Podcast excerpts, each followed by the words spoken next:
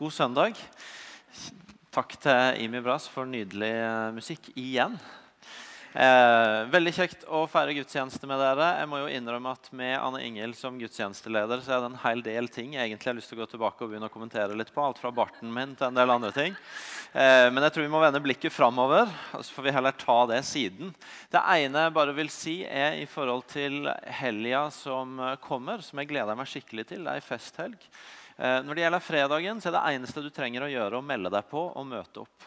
Når det gjelder søndagen, som er takkegudstjeneste, så eh, ønsker jeg òg at du bruker tid i denne uka til å tenke gjennom hva har jeg å takke for i det året som ligger bak. Har jeg en historie jeg vil dele?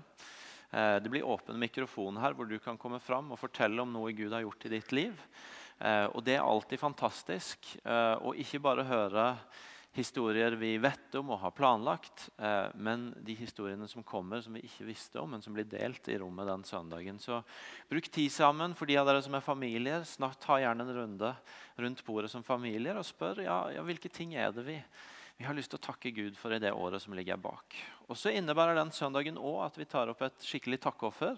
Eh, I dag skal det handle ekstra om den faste givertjenesten, som er året igjennom. Den søndagen så er det et sånt takkoffer, hvor vi gir av takknemlighet for alt det gode Gud gjør og gir oss i våre liv. Og det betyr at det ikke er en vanlig søndagskollekt, men det er en sånn ekstra gave. Eh, hvor vi gir ekstra ut av vår takknemlighet. Eh, og la samtalen rundt bordet ikke bare handle om eh, hvilke historier dere kan dele, men også hva dere har lyst til å gi inn i det takkeofferet for å uttrykke takknemlighet til Gud. Så blir det en super søndag. Eh, vi skal gå på dagens eh, undervisning. Før det så er det bare én ting jeg har lyst til å gjøre. Jeg opplevde når eh, vi lovsang at Gud minner meg om en sak jeg tror vi skal be for. Så hvis vi kan stå sammen, så det er, det er, foreldre og besteforeldre i dette rommet i dag som har barn, barnebarn, som er i tøffe utfordringer, og som dere bærer med dere en dyp uro for i dag eh, som gjør det vanskelig å ha fokuset på andre ting. Og dere lurer på hvor utveien og svaret er. Eh, og jeg tror Gud vil at vi skal be for dere i dag. Minne dere om at han er der, og han er med dere. Eh, og han ønsker å vise dere en vei. Jeg vet at dette er sårbart, og at det å gi det til kjenne kan føles sårbart. Dette er familie. Vi eksponerer ikke dere for det dere måtte gi til kjenne her i andre settinger. Så, så, det er et trygt sted. Så hvis det jeg sa nå gjelder du, så vil jeg gjerne bare se ei hand i været, og så at vi kan være med å be for deg og den situasjonen du står i.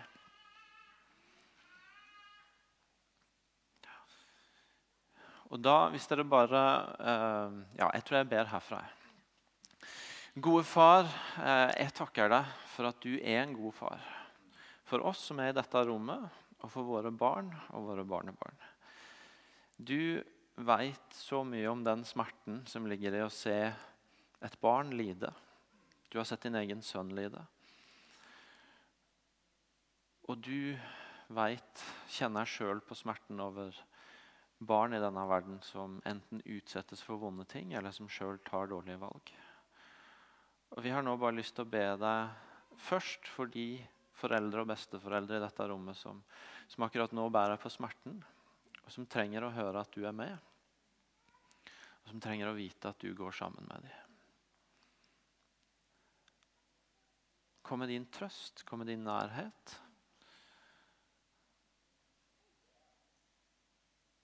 Kom og gå med. Og så ber vi deg for barna det gjelder, om at du skal komme med et møte som, som gir en forandring i situasjonen. At du skal vise en vei ut av mørket og inn til et åpent landskap hvor det er et nytt liv. Jeg ber deg om det, far. Amen. Vær så god og sitt. Leste et sted for noen uker siden en som skrev om det med å ha det vondt med lidelse. og Han gjorde et poeng som ikke er nytt, men som bare traff meg på nytt. Nemlig at når vi møter sånne utfordringer, så er det så lett for oss å blir veldig fokuserte enten på hvorfor det skjer, eller på hva vi må gjøre. Og Som Guds barn, som Jesus etterfølgere, så er kanskje det aller viktigste spørsmålet hvem som er med oss i lidelsen. Gud som ikke står på andre sida og venter på oss for å ta oss imot når vi kommer ut av det tøffe, men han som er med oss midt i det. Så ta det med deg hvis eh, det vi ba for nå, gjaldt du. Før vi går i gang med undervisninga i dag, så vil jeg bare gi litt kontekst. Eh, vi har begynt å gå gjennom Markusevangeliet her i menigheten. Vi har hatt en søndag hvor vi ga en liten introduksjon. Vi har sett på Markus 1 og Markus 2. Eh, dette leses i cellegruppene, og vi får rapporter om det. Og vi har flere nye kristne iblant oss som møtes én til én med noen og leser et kapittel av Markusevangeliet mellom hvert møte. Så vi er i det. Og så er det også sånn, vet jeg, at særlig for de av oss som liker uh, streite linjer og klare avtaler, så er det litt uh, krevende akkurat i denne fasen, fordi det skjer litt andre ting òg som gjør at uh, vi hopper litt inn og ut. Eh, vi eh, hadde Kjell Dahlmann på besøk for noen uker siden. Sist søndag var det konferanse. Neste søndag er det takkesøndag. Eh, og i dag skal vi også gjøre et lite hopp i forhold til planen. Jeg skal straks forklare hvorfor. Etter det så ser det mye lysere ut. Så fatt mot og fortsett å lese Markusevangeliet. Dette, dette blir veldig bra. Eh, grunnen til at vi gjør noe litt annerledes i dag enn ellers, er at vi er helt mot slutten av årets fastgiveraksjon. Vi har det én gang i året. For du som er ny her eller ikke har vært med så mye, så har vi en gang i året en fastgiveraksjon. Og det er den gangen i året hvor vi snakker veldig tydelig om penger, om det å gi, eh, til menigheten en hører til. Eh, vi har gjort litt forskjellige ting. Noen år så har vi forkynt om penger og givertjeneste og forvalterskap en hel måned. Andre ganger så har vi ikke forkynt, uh, forkynt det, bare holdt det framme. Um, og så er det sånn, For de av dere som var her forrige søndag, så sa jeg det at så langt i år så har, uh, så hadde aksjonen ikke gitt veldig mye respons. Eh, et løfte om 30 000 kroner i året. og Normalt sett har vi ligget på et løfter på 500 000 kroner i året og oppover. Så det er et visst gap. Eh, det er gledelig å kunne si at siden den gang så har det skjedd en del ting. Så nå har vi løfter i det vi gikk inn i helga på 200 000 kroner i året. Eh, som er mye bedre. Og så er det fortsatt en vei å gå. Vi er, og dere er, en raus menighet eh, som gir masse. 9 millioner kroner i året. Så jeg vet at dere er rause folk. Eh, og Det betyr at når vi ikke helt er der vi bruker å være og vil være, så handler det antagelig om at vi har ikke helt klart å få stoppa opp for årets fastgiveraksjon. Og Derfor så rydder vi litt plass denne søndagen for å se på noen bibelske elementer ved det. Eh, og for å sikre oss at vi har stoppa opp, sånn at vi alle kan få bruke denne søndagen og slutten av aksjonen uka som kommer, på å tenke, be og handle på det som er utfordringa i denne aksjonen. Um, og Vi skal bruke en bibeltekst som utgangspunkt. Om vi hopper litt i Markus, så er det i hvert fall i Markusevangeliet. Så ja, holder hold tråden litt. Eh, Markus 10 fra vers 17. Vi skal lese teksten, be en bønn, og så går vi i gang med å kikke litt på hva teksten sier. Da Jesus skulle dra videre, kom en mann løpende, falt på kne for han og spurte. Gode mester, hva skal jeg gjøre for å arve evig liv? Men Jesus sa til ham, Hvorfor kaller du meg god? Ingen er god uten én. Det er Gud. Du kjenner budene. Du skal ikke slå i hjel, du skal ikke bryte ekteskapet, du skal ikke stjele, du skal ikke vitne falskt, du skal ikke bedra noen. Hedre din far og din mor. Han svarte, Mester, alt dette har jeg holdt fra jeg var ung. Jesus så på han og fikk han kjær og sa, Én ting mangler du. Gå bort og selg alt du eier, og gi det til de fattige. Da skal du få en skatt i himmelen. Kom så og følg meg. Men han ble nedslått over dette svaret og gikk bedrøva bort, for han eide mye. Og Jesus så seg omkring og sa til disiplene.: Hvor vanskelig det blir for de som eier nye, å komme inn i Guds rike. Disiplene ble forferda over ordene hans. Men Jesus tok igjen til orde og sa.: Barn, hvor vanskelig det er for de som stoler på rikdom, å komme inn i Guds rike. Det er lettere for en kamel å gå gjennom et nåløye enn for en rik å komme inn i Guds rike. Da ble de enda mer forskrekka og sa til hverandre.: Hvem kan da bli frelst? Jesus så på de og sa.: For mennesker er det umulig, men ikke for Gud. Alt er mulig for Gud. Da tok Peter til orde og sa.: Hva med oss? Vi har forlatt alt og fulgt deg. Jesus svarte. Sannelig, jeg sier dere, enhver som har forlatt hus eller brødre eller søstre, eller mor eller far eller barn eller åkre for min skyld og for evangeliets skyld, skal få hundre ganger så mye igjen. I den tiden som nå er, skal han få hus, brødre, søstre, mødre, barn og åkre, men også forfølgelser og i den kommende verden evig liv. Men mange av de første skal bli de siste, og de siste skal bli de første. Gode far, takk for at du er her i dag. Og takk for ditt ord, som er virkekraftig og levende, og som eh, hele veien når vi utsetter våre liv for det, kan skape noe nytt i oss. Hellige Ånd, jeg takker deg for at du er her sammen med oss og, og puster liv i ordet. Og gjør det levende for hver enkelt av oss. Og Det er det vi ber deg om at du skal gjøre nå. At du skal komme og puste ditt liv og din ånd i ordet og i oss. Sånn at det vi får høre i dag, får bli til liv for oss. Og får uh, bety noe for oss som enkeltmennesker, men også som menighet i tida som ligger foran. Jeg takker deg for at du ikke mangler noen ting, Gud. At det vi skal snakke om i dag, ikke handler om dine behov og det du mangler, men om at det handler om vår frihet og vårt liv. Amen.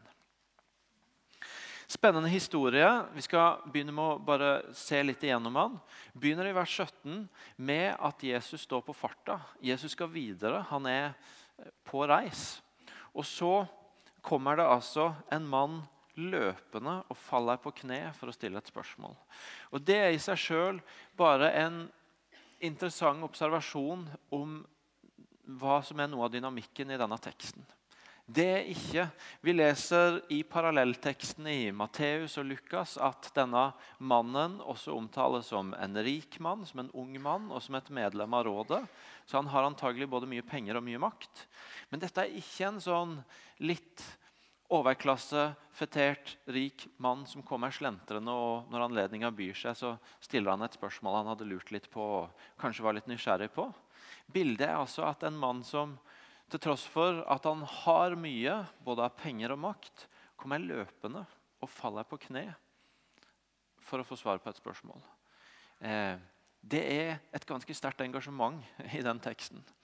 Eh, det er et annet sted i Markusevangeliet det står at noen faller på kne for Jesus. og Det er en eh, spedalsk som er desperat etter å få hjelp, og som det står at faller på kne for han. Og Det er et annet sted det står at folk kommer løpende til Jesus. og Da er det en folkemengde som vil ha tak i han for å ha han til å stoppe opp og gjøre noe for dem. Så Når denne mannen kommer løpende og faller på kne, så er det ikke bare fordi det hadde vært litt interessant å høre hva Jesus tenker om dette spørsmålet. Det er faktisk veldig viktig for han å få høre hva Jesus mener. Og Det han spør om, det er jo altså Gode mester, hva skal jeg gjøre for å arve evig liv? Han sier 'gode mester'.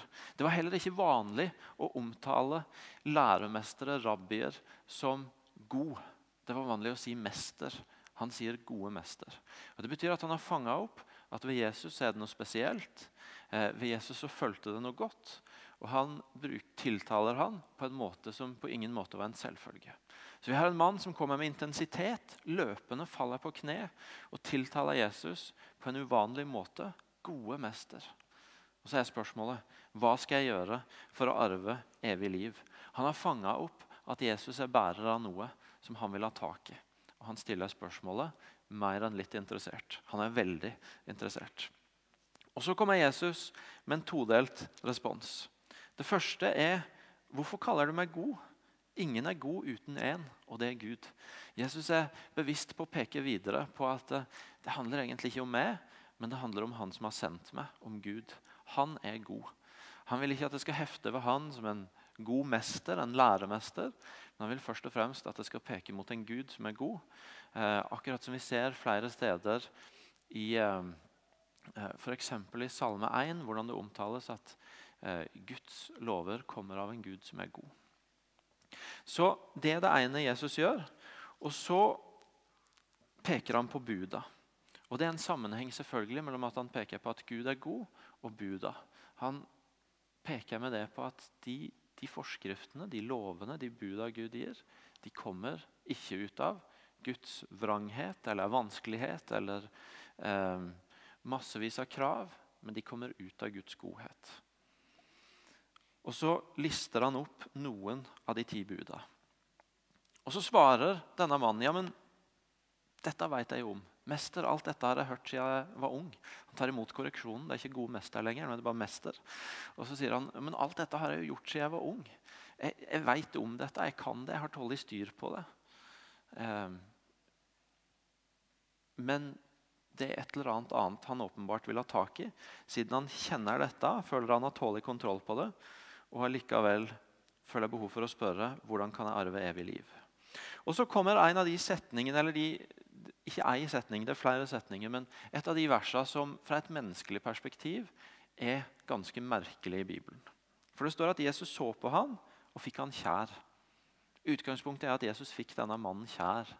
Ikke at han ble litt irritert for at han maste, eller at han syntes han var litt kjepphøy som sa han klarte å holde alle buda. Men det står at Jesus fikk han kjær og sa én ting mangler du. Gå bort og selg alt du eier, og gi det til de fattige. Da skal du få en skatt i himmelen. Kom så og følg meg. Jesus ble veldig glad i han. Derfor sa han, gå og selg alt du eier, og gi det fra deg. Menneskelig talt litt ulogisk. Eh, men det er det Jesus sier. Ut av sin kjærlighet, ut av at han blir glad i han og vil han godt, så er budskapet det er én ting til du må gjøre, og det er å gå kvitte deg med alle de tinga som binder deg opp, og selge det, sånn at du kan få en annen skatt, noe som er mer verdt, det du leter etter, en skatt i himmelen. Og Da kan du også komme og følge med. Så det er ut av kjærlighet at Jesus gir denne mannen ei ganske sterk utfordring. Eh, og så blir den utfordringa likevel Jeg vet ikke om denne rike unge mannen ikke helt klarte å fange kjærligheten i det, eller om prisen rett og slett bare ble for høy. Men i hvert fall så står det altså at han ble nedslått over svaret. Han gikk bedrøva bort, for han eide mye. Han er ikke klar for å ta utfordringa, og han går trist bort. I de neste versene så oppstår det en dialog mellom Jesus og disiplene, hvor de på en måte prosesser det som nå skjedde. Vi skal ikke gå i detalj sånn vers for vers, men bare fange opp et par ting.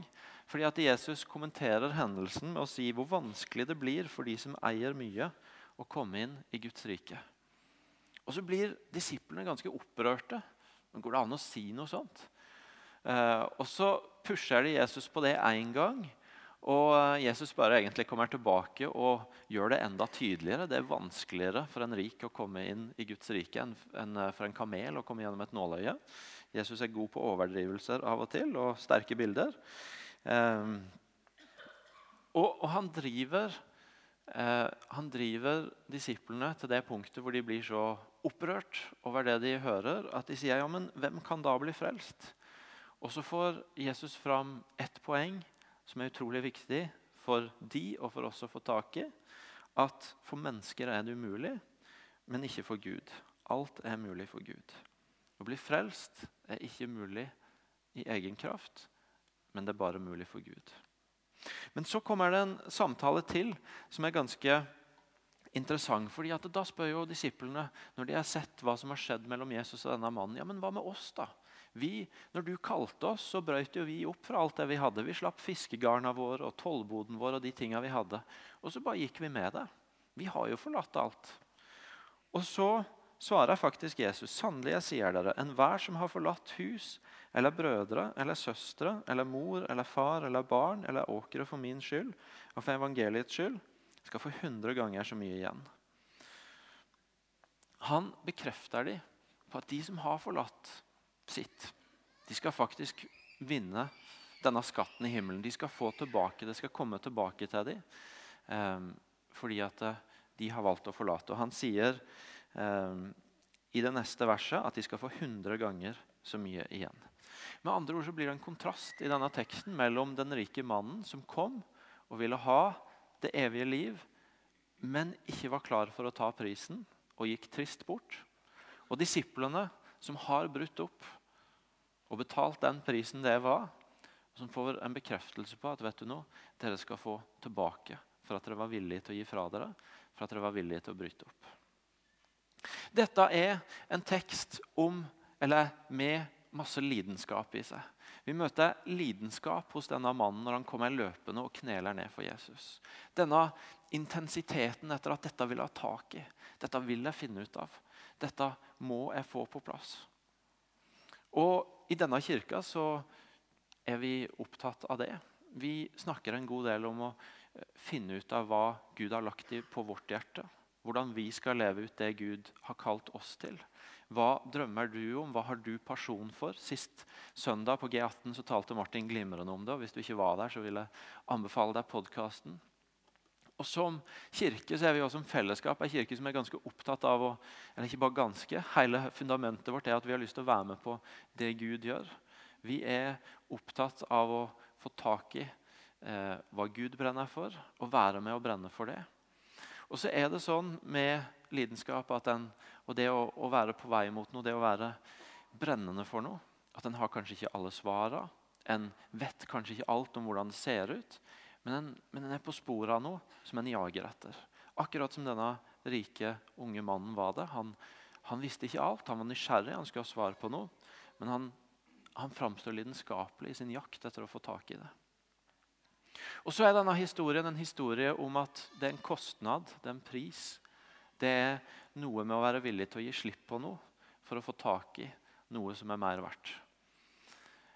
Og Kanskje viser denne teksten oss også noe om at det er ikke nødvendigvis sånn at den følte lidenskapen er det som til slutt bestemmer hvordan det blir. Det er jo Noen som kanskje vil si at ja, det er når du skal ta valget, hvor det må koste noe, at det viser seg om du egentlig brant for det eller ikke. Hvor viktig det egentlig var for deg. Og så er det kanskje heller sånn at det er i det valget at vi finner ut om vi virkelig vil det eller ikke, mer enn at det er bestemt av hvor mye vi føler eller ikke føler. Hvis du leser beretningen om når disiplene blir kalt, så framstår ikke de veldig mye mer lidenskapelige enn denne rike mannen som kommer løpende og kneler ned og oppriktig vil finne ut av det. Men i øyeblikket så får de mulighet til å velge seg inn eller ut. Og I det øyeblikket så velger noen disiplene å ta prisen. Og så velger den rike mannen Nei, vet du noe, jeg er ikke sikker på om jeg vil ha det. Og så er denne historien en historie om at på andre sida av det så finnes det noe som er veldig mye verdt. Jesus snakker om en skatt i himmelen. Han snakker om å få hundrefold igjen. Han snakker ikke nødvendigvis om at for den rike mannen og bare sånn at dere hører meg rett, siden vi snakker om dette i kontekst av penger i dag, Han sier ikke til den rike mannen at gå og selg alt du eier og gi til de fattige, og så får du dobbelt så mye penger tilbake igjen. eller 100 ganger så mye penger tilbake igjen. Han sier du får en skatt i himmelen. Han sier til disiplene du får hundrefold igjen. Men han sier noe om at hvis du er villig til å ta kosten, hvis du er villig til å gi slipp, slippe kontroll og følge, så kommer det en skatt tilbake. Så vinner du en skatt. Så finner du noe som har en pris, men som er verdt så mye mer. Tidligere denne uka så satt jeg med en eh, gruppe folk som i det siste tida på forskjellige måter har staka ut en ny kurs for livet sitt. Og alle satt de og fortalte om hvordan det var, hadde vært og fortsatt var en prosess hvor de møtte på ting som de var nødt til å gi slipp på hvis de skulle, hvis de skulle holde den kursen, den nye kursen de hadde staka for livet sitt. Ting som til nå hadde betydd mye for dem, som de var glad i, som de hadde funnet glede i. Men som de så at skulle de gå i den retninga de nå ville med livet sitt, så måtte de gi slipp på det. De måtte gi avkall på det. Og det var ikke lett for dem. Og De beskrev det ikke lettvint, som at det var jo så lett fordi at det som lå på andre sida, var så bra.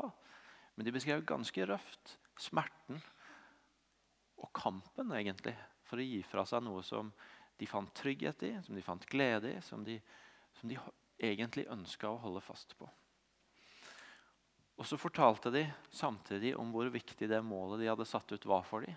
Som gjorde at de var villige til å fighte, de var villige til å prøve å gi slipp. De var villige til å legge fra seg noe. Og Det er den dynamikken som foregår i denne teksten. Det å ville ha tak i noe, og så bli utfordra på at her er det en kostnad. Og så er det på andre sida så vinner en noe. Så får en noe. Det at jeg og du kan kalle oss Guds barn, det har en utrolig høy pris. Og den prisen er det ingen av oss som har betalt. Det er kun Jesus som har tatt den for oss. Det at vi kan kalle oss Guds barn, det at vi kan si at hver dag er den en ny nåde, det at vi kan våkne opp og, og vite at det er alltid en ny mulighet for oss, det har kosta så dyrt. Og ingen av oss har tatt prisen for det. Det er bare Jesus som har tatt det. Og Jesus sier det sjøl. Dette er ikke mulig for mennesker, det er bare mulig for Gud. Men Jesus frelste oss ikke bare til en fribillett til himmelen. Han frelste oss ikke bare til å vite at vi skal et sted. Han frelste oss også til et nytt liv. Og Til et annerledes liv og til en mulighet til å følge han. Disse disiplene de ga avkall. De fikk ikke bare en vei til himmelen, men de ga avkall på et liv de hadde, for å følge han. Og så ble de med på et skikkelig eventyr som jeg tipper de ikke forestilte seg hva var. Og som de ikke kunne ha sikkerhet for hvordan landa, men som må ha vært utrolig spennende å leve som en del av. Og Hvis vi vil ha tak i det livet, hvis vi vil ikke bare ha fribilletten, men være med å gå den veien, det å følge Jesus og få tak i det livet, så utfordrer det oss også på å gi slipp. På kontroll, på tid og på penger, som det handler om i dag. Det handler om å gi slipp for å gi Jesus kontroll og for å bli med på det. Det handler om flere ting, men det handler også om penger. Og nettopp penger det kan være ganske utfordrende. det. Fordi at det gir oss kontroll. Det kan gi oss trygghet. Penger kan også definitivt gi oss bekymringer, men hvis det gir oss bekymringer, så er ikke det mest naturlige vi har lyst til å gjøre da å gi slipp på enda mer av dem. Da har vi lyst på å få flere, mens det bibelske prinsippet er gi når du bekymrer deg for å bli fri fra det. Og Det kan være utfordrende i et land hvor vi har en helt ekstrem velstand, også i forhold til andre land i vår del av verden. Ting som bare, Og jeg regner meg fortsatt som relativt ung, da, selv om det kanskje er en illusjon. Men eh, ting som når jeg var tenåring eller yngre, var liksom noe jeg husker jeg bare noen få hadde. De litt sånn spesielle hjembyen min. Det er nå blitt noe som de aller fleste av oss har. Eller veldig mange har. Det å bo i en by hvor det er så høye priser på mange ting, og egentlig ganske høyt press på status rundt tingen, materielle tingen har det å være ung i denne byen og skulle etablere seg og ikke helt se for seg hvordan en skal få råd til det. Det er ganske mange ting som utfordrer oss på å gi slipp på kontroll i forhold til penger. Fordi det ligger så mye trygghet i det, og det ligger så mye mulighet i det. Og for at det ikke bare skal bli ord, men at dere skal få møte litt sånn historien om at det er en utfordring som folk må kjempe med, så har jeg lyst til at dere skal få møte et ungt par, fortsatt relativt nygift par i vår menighet, som har måttet ta en runde på akkurat det og landa ut med å ta noen valg. Eh, ta veldig godt imot Marte og Lars, som kommer fram nå.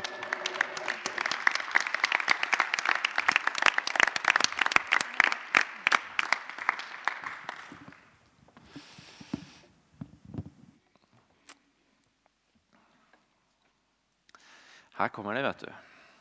Veldig bra. Eh, dere gifta dere i august. 16. august. 24. Ja, Det lov å prøve seg, men det var jo skikkelig bom. Hvis det hadde vært 15 eller 14, så hadde det vært greit. Men dere gifta dere i august. Fortsatt relativt nygifte. Marte har vært student her, gått på AKTA. Lars eh, spiller med Impuls og har vært her ca. like lenge som Marte i menigheten. Ja, cirka det. Eh, fortell litt, Du kan begynne, Marte. om eh, Hva har du tenkt? Du har jo først vært student, og nå er du nygift eh, og skal etablere dere. Hva har du tenkt om det å gi til menigheten? Ja, eh, Jeg har egentlig alltid vært opptatt av å gi. Mm. Eh, når jeg gikk på akta, så husker jeg at det var veldig mye snakk Det var da dere bestemte dere for å gi kollekten ut. Mm. Eh, så allerede da begynte jeg å jobbe med meg sjøl på å gi. Uh, jeg har alltid gitt masse, eller masse, jeg har alltid gitt kollekt og hatt noen sånne prosjekt som jeg støtter og sånn. Men jeg har aldri gitt til uh, menigheter. Og det er litt fordi at jeg ikke helt, ikke helt visste hva som er min menighet. Jeg har jo gått i IMI, men siden jeg kom til Stavanger, så har jeg tatt det litt sånn ett år om gangen. hatt en plan om å flytte hjem igjen, da. Men så gifta jeg meg. så nå eh, ja, blir jeg nok her. Og så fortalte du meg noe om at du hos du hadde vokst fram en sånn lyst til å gi tiende. Bare fortell litt om det. Ja, jo, jeg har jo veldig lyst til å gi tiende. Men så har jo jeg vært student i ganske mange år nå. Eh, og ikke hatt noen sånn spesiell inntekt, hatt studielån. og så, ja. Så jeg tenkte at når jeg er ferdig å studere, da skal jeg gi.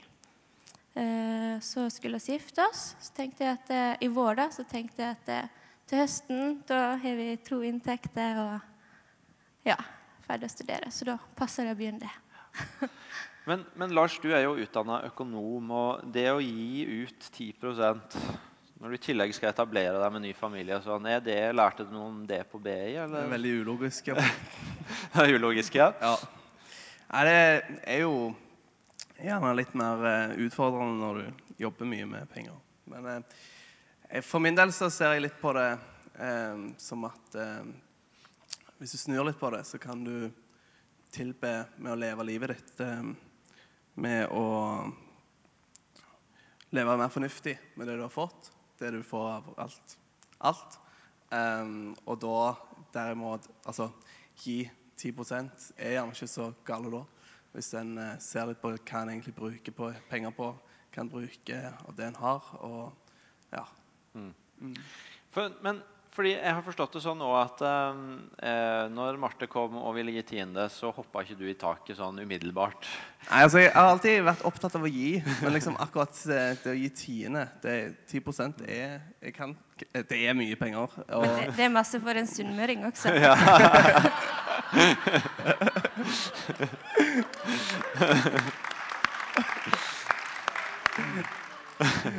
ja. Ja, hva har du spurt om, egentlig? Eh, nei, jeg, er egentlig bare på jakt etter Jeg, jeg har forstått som at du var litt skeptisk når Marte ville gi tiende. Ja. ja, så var vi i London, mm. eh, på Hillsong. Og der eh, gikk fokuset deres veldig mye på at de var kirke i et land der eh, finanskrisa er mye sterkere enn her. de eh, går veldig hardt ut med at de skal hjelpe folk. Her kan du komme og spise middag. Og, ja, du ser at vanlige folk har mista jobber og sånt. Og så er hovedfokuset deres å gi. Mm. Eh, da sitter vi der med store shoppingposer og ja, får litt dårlig samvittighet. da. Ja. Og, og, når du satt og hørte på det, Marte, og visste at du ville gi tiende, men han økonomen satt liksom og jobba litt med budsjettene, hva tenkte du da? Nei, jeg ble jo litt uh, oppgitt, for det, det, var veldig viktig for meg å. Uh, samtidig så det er ikke bare han Lars som blir utfordra. Det er meg også. Og jeg har egentlig trengt at han ja, sier det greit. For det er jo mm. bare unnskyldning at jeg venter på han, mm. uh, egentlig. så sier jeg, når jeg, når jeg, hører at de snakker, så treffer det meg sånn, og så sier jeg bare til Gud at denne kampen tar ikke flere ganger. Dette får du fikse. Så eh, gikk oss derifra. Så kom oss på hotellet, og så sier han Lars Og så gir tiende god natt.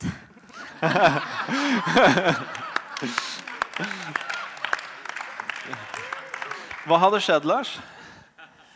Nei, jeg fikk vel gjerne et lite spark bak, da. Ja. ja. Så eh, det ble ikke nødvendigvis, enten du var student eller nyetablert, så ble det ikke lettere, men det ble kanskje bare et valg dere måtte ta? Ja. Ja, Så bra. Jeg håper å si at noen andre som vil spørre deg om noe, men det kan jeg sikkert gjøre etterpå. Du, Fantastisk å høre. Takk for at dere deler, og takk for at dere er ærlige både om at det var en utfordring, men òg at dere velger å ta et valg. Til sist bare et regnestykke du hadde, Lars. Eh, du sa noe om du hadde regnet på for å få dette her til å gå opp hvor mange dager i måneden du nå jobber for Gud for å få gang på tiden? Ja, altså Jeg måtte jo sitte og tenke litt, på 10 er mye. Og så måtte jeg prøve å gjøre det mindre i hodet mitt. Eh, for at det skal være mer fornuftig. det da. Og da tenkte jeg at eh, en jobber fem dager i uka, og det er fire uker i en måned. Så en jobber 20 dager i en måned. Og hvis en gir 10% så jobber en da to dager for Gud. Og det er bare klare.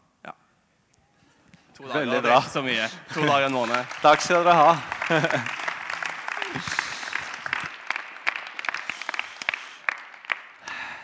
Fantastisk. Takk for at dere deler. Eh, sier noe om at det blir aldri naturlig, men en må ta et valg. Eh, det blir kanskje heller ikke alltid noe en er lidenskapelig på, selv om noen jeg har hørt historier om det òg, men en velger å bli en del av det. Jeg er ikke her primært i dag for å selge givertjeneste i betydning at nå skal jeg fortelle dere alt dere får tilbake hvis dere gir til denne menigheten, eh, men å utfordre på dette med å være villig til å gi slipp på noe for å få noe annet. Allikevel så har jeg bare lyst til å nevne noen perspektiver eh, for denne menigheten. Fordi at Vi er i en situasjon lokalt hvor vi stadig oftere opplever at offentlige instanser kommer til denne menigheten og spør kan dere hjelpe oss. Enten det med fosterhjem, med eh, å ha, hjelpe folk i andre vanskelige situasjoner eh, krisesentre osv., så, så så får vi henvendelser inn fordi at eh, vi har kommet til en plass hvor de forbinder oss med noe godt. Vi er i en situasjon hvor vi har over 60 ungdommer som alle er i disippelgjørende relasjoner. Og det er kjempebra, men det er ganske mange flere ungdommer i denne byen. Eh, mens vi feirer gudstjeneste her, så er det over 100 barn eh, og feirer sine gudstjenester, eller barn og tweens og feirer sine gudstjenester. Eh, der er Eh, folk som blir kristne nå hver uke. Det er så mange ting som skjer lokalt, som er spennende. Samtidig så opplever vi nasjonalt at vi stadig spørres om å bety noe inn i ulike sammenhenger. Eh, forrige helg var det en konferanse her hvor det var folk fra flere forskjellige menigheter for å få input fra oss. Denne uka har Martin og han Therese vært og undervist på en konferanse for naturlig menighetsvekst. Og jeg kunne fortelle dere mange andre sånne eksempler på at det er ganske mange menigheter rundt om i landet som sier at det er viktig at vi er der og holder på med det vi gjør, fordi at de trenger å få hjelp og lære av det. Og internasjonalt så er vi i en situasjon hvor misjonsarbeidet i Kambodsja ja, har vokst forbi de rammene vi trodde det skulle ha når vi begynte. Eh, og det er så mange nye mennesker som blir kristne, det er så mange nye ledere som blir trent. Um, og Det er utrolig spennende å leve midt i alt dette som både skjer lokalt, og nasjonalt og internasjonalt. Og Dette skjer ved Guds nåde og ved at vi har fått være med på det Gud gjør, men også på basis av at en god del mennesker gjennom over 30 år har vært villige til å betale en pris. Til å legge ned tid og penger og innsats. Eh, og jeg har lyst til at vi som ikke har vært her i 15-20-30 år, skal bare høre den utfordringa på at eh, det vi får være en del av, lokalt, nasjonalt, internasjonalt, er ikke en selvfølge. Men det er bygd over tid, det er betalt en pris på det. Det er Guds nåde og noen som har vært villig til å legge ned livet. Og Det er en utfordring til oss alle å fortsette å være med på det og fortsette å bygge det. Kanskje har du hjertet ditt mer lokalt enn nasjonalt. Kanskje har du hjertet ditt mer internasjonalt enn nasjonalt. Hva vet jeg? Det vil være forskjellig. Men i sum så er dette her en enorm mulighet og et budskap om noe som trengs, og som det er så mange åpne dører for oss å gå inn i. Men det nytter lite at jeg bare står her og sier at dette vil vi. Neste år skal vi gripe alle de mulighetene fra folk som kommer og spør om hjelp fra oss. Hvis ikke vi er sammen om å eie det, og sammen om å betale prisen på det. Og Derfor er det utfordringa til oss alle i dag og inn mot denne giveraksjonen. Det er rett og slett å, å forholde oss til den der viljen til å gi slipp og til å gi noe ut for å være med på noe større. Og For å være med på noe Gud gjør i vår tid, i denne byen, i dette landet, i denne verden. Og Det er fantastisk å få være med på en sånn mulighet. Jeg kan si at For meg eh, og Hildegunn På den ene sida har jeg som jeg har fortalt om her i kirka før, blitt oppdratt til å gi tiende. Og På den andre sida har det vært dypt unaturlig for meg å eh, i akkurat en sånn fase som Lars og Marte var i, og på en måte hele veien skulle strekke seg mot å gi. Og det er Flere ganger jeg har regnet over og tenkt dette gir ikke mening. Men ok, vi stoler på Gud og gir ut. Og så går det jo bra. Og så er det må jeg si, et eventyr å få lov til å være med på det Gud gjør. Og Jeg har ikke lyst til å gå glipp av fortsettelsen. og Derfor vil jeg være med på og så inn i det. Helt mot slutten. Jeg vet at noen av dere syns det er greit å høre disse svære linjene. Og så har dere de sånne mye mer konkrete spørsmåla om hvorfor det og hvordan sånn. Hvorfor tiende? Jeg kan ikke undervise i dag om det prinsippet, for det har vi ikke tid til. Men jeg kan bare si at i kirka vår så praktiserer vi tiende som et godt åndelig prinsipp. Ikke som en lov eller et bud, ikke som en endestasjon, men som et åndelig prinsipp vi møter i Bibelen. Å gi 10% til den menigheten, til det fellesskapet en hører til. Og så er det mer meint å være gulvet enn taket. Og kan du ikke begynne der, så begynner du et sted, og så jobber du deg oppover. Eh, og så velsigner vi andre steder utover det. Et annet spørsmål jeg har hørt i det siste, er ja, men får dere ikke statsstøtte. Jeg betaler jo skatt. Kan ikke det være tienden min? Eh, denne menigheten mottar litt kommunal støtte for barne- og ungdomsarbeidet. Ingen statsstøtte. Vi er ikke et kirkesamfunn. Så hvis du vil gi til menighetsfellesskapet ditt, så må du gjøre det på fastgivertjenesten og ikke på skatten din. Eh, og så har jeg det selvfølgelig noen som også sier jeg gir, men jeg gir jo kollekt hver søndag. Er ikke det greit? Jo, det er strålende. Kjempetakknemlig for det. Eh, men du gir ikke til menigheten du hører til da. Du gir for å velsigne ut. I dag til Europa, andre ganger til ting lokalt. Andre ganger til misjonsarbeidet vårt i Kambodsja. Så, så, det er ikke den givertjenesten vi snakker om nå, men det er strålende at du gir. Fortsett med det. Jeg hadde litt til jeg skulle si, men jeg ser at tida er i ferd med å gå ut. og Dere skal straks få gå og hente barn, og jeg vil heller at vi skal bruke litt tid til slutt på å lande dette. Ehm, jeg kommer i dag egentlig bare med en utfordring til oss alle om å gi slipp for å være med på noe større. Om å slippe kontroll også på noe som bringer så mye trygghet til oss, for å være med på noe Gud gjør i denne tida, som er så spennende. Og Så har du fått en lapp på vei inn hvor du har mulighet til å fylle ut. Og Det ligger svarkonvolutter og står ei postkasse der nede. Sånn at Hvis du vil ordne opp i det nå, som du hørte fra Marte og Lars Det fins alle slags unnskyldninger for å vente, og så tar det litt tid. Så kan du gjøre det. Hvis ikke så tar du det med deg hjem, og så tenker du og ber og handler på det i uka som kommer. Skal vi reise oss opp og be en bønn sammen?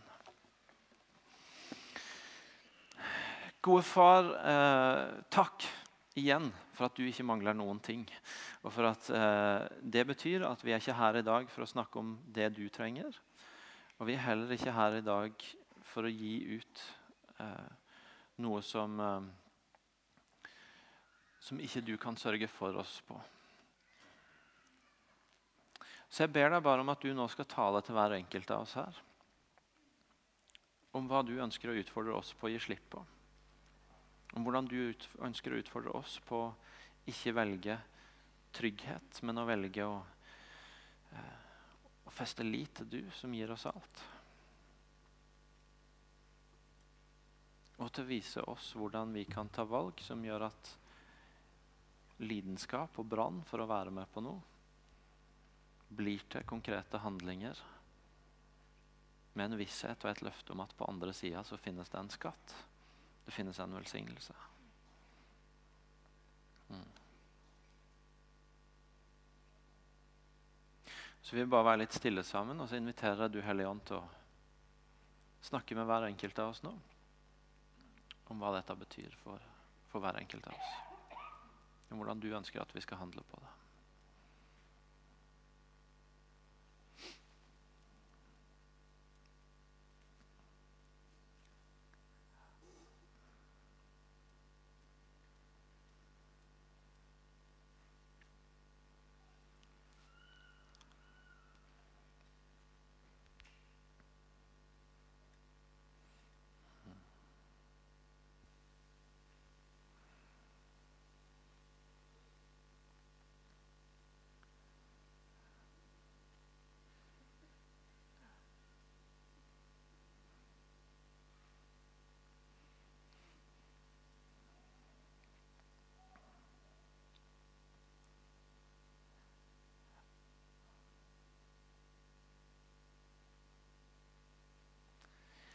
Klokka er kvart på ett, og noen av dere må gå og hente barn. Eh, du er mulighet for å være igjen her. Du blir forbedret på den sida som vil be for deg. Eh, lovsangsteamet leder oss i lovsang, men la oss slutte sammen med å ta imot Herrens velsignelse. Og så er du velkommen til kafeen når du er ferdig her inne.